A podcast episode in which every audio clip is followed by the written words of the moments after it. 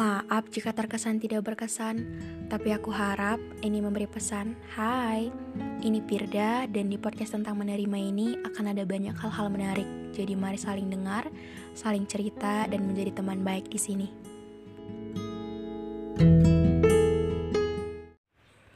Hai, aku Pirda dari podcast tentang menerima. Sebelum episode ini dimulai, aku mau ngasih tahu bahwa sekarang bikin podcast itu gampang banget. Di mana kamu bisa install aplikasi Anchor yang merupakan bagian dari Spotify.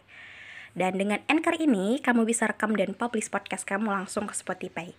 Dan kabar baiknya lagi nih, aplikasi ini tuh 100% gratis. Jadi buruan sekarang, download aplikasi Anchor.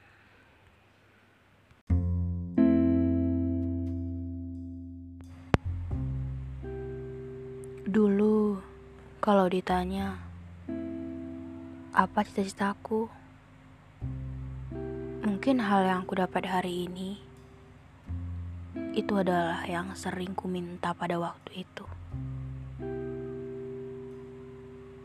Dulu sebegitu yakinnya aku bahwa aku mau menjadi ini. Aku mau dapat itu. Tapi ketika hari ini aku mendapatkan apa yang kuinginkan selama ini,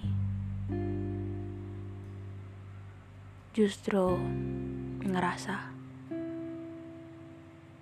ekspektasiku ternyata terlalu tinggi terhadap hal ini. Aku kira aku nyaman, ternyata enggak. Aku kira pilihanku benar, ternyata jujur aku kesulitan.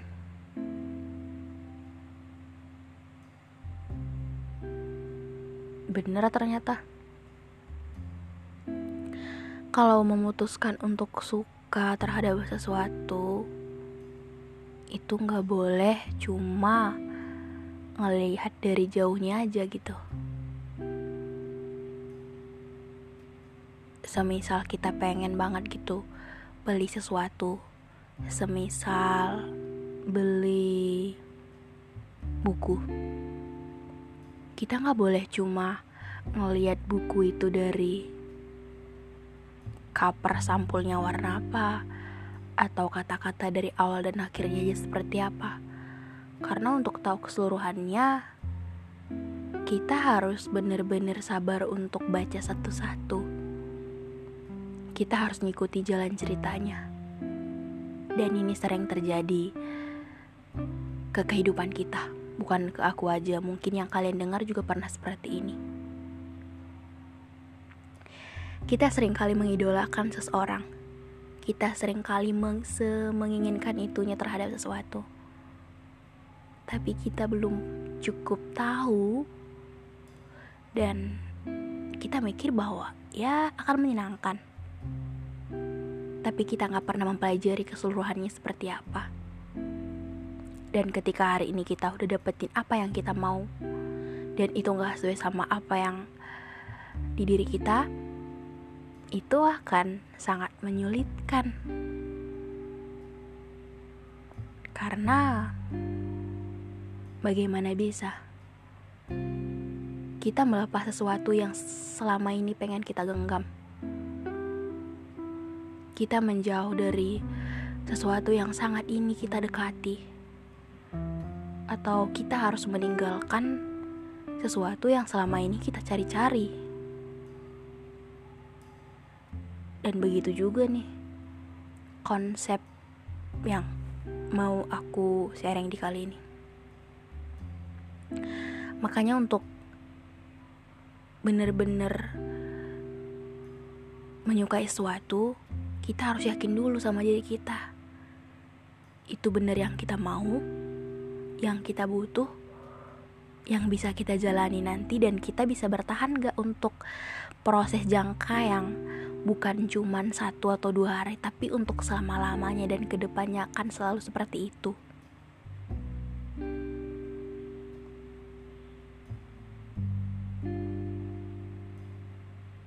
Jadi Gimana?